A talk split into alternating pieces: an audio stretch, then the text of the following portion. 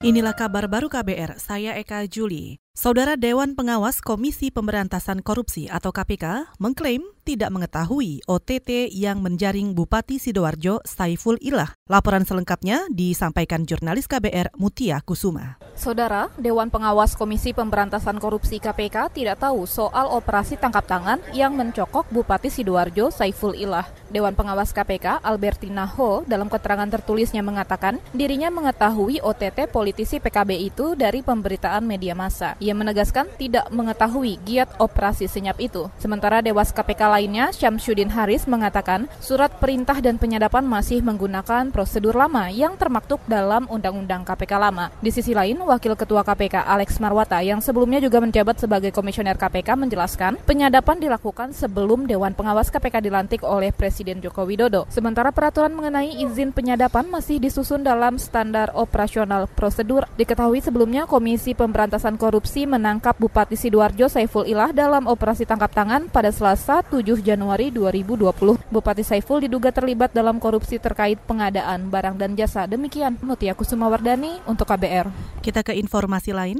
Kuasa hukum terdakwa Lutfi Alfiandi Sutradewi kecewa atas penolakan penangguhan penanganan kliennya oleh Majelis Hakim Pengadilan Negeri Jakarta Pusat. Lutfi adalah remaja pembawa bendera saat aksi demonstrasi di gedung DPR MPR September 2019 lalu. Sutradewi menilai keputusan hakim tidak disertai alasan yang jelas, padahal ada tiga anggota legislatif yang menjamin penangguhan Lutfi. Penangguhan kita tidak dikabulkan. Karena alasan apa? Sanggapannya boleh nggak Bu?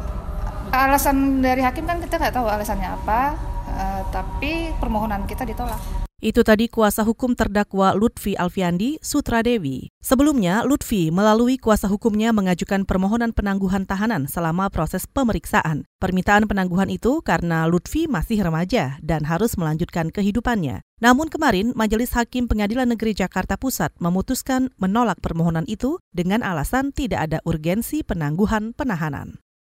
Kita ke soal lingkungan. LSM Lingkungan, Pusat Hukum Lingkungan untuk Indonesia atau AISEL, meminta pemerintah melibatkan masyarakat dalam revisi peraturan gubernur yang berkaitan pencemaran lingkungan. Kepala Divisi Pengendalian Pencemaran Lingkungan AISEL, Fajri Fadila mengatakan, Pemprov DKI seharusnya membagikan rancangan revisi pergub ke publik melalui website Pemprov DKI, sehingga masyarakat dapat memberikan masukannya. Aisel tidak ingin revisi Pergub Pencemaran Lingkungan tergesa-gesa, seperti instruksi gubernur tentang pengendalian pencemaran udara. Banyak langkah-langkah untuk mengurangi pencemaran udara, tapi PPM Jakarta sendiri nggak menentukan targetnya gitu. Target dalam artian gini, kalau ngomongin pencemaran kan sebenarnya logikanya ada pencemar yang sudah melampaui standarnya. Nah, PPM Jakarta sendiri tidak menentukan hitungannya sebenarnya pencemar udaranya itu sudah melampaui berapa banyak sih gitu. Sehingga agar di bawah standar kembali, agar udaranya sehat kembali, harus mengurangi dari kendaraan motor sekian persen, dari industri sekian persen. Hitungan itu yang belum ada yang tiba-tiba PV Jakarta langsung masuk ke langkah-langkah pengendaliannya. Kepala Divisi Pengendalian Pencemaran Lingkungan AISEL, Fajri Fadila juga menambahkan, masyarakat memiliki hak berpartisipasi dalam upaya pengembalian kualitas lingkungan di Jakarta. AISEL juga mengapresiasi langkah pemerintah yang merespon cepat gugatan masyarakat soal pencemaran udara tahun lalu.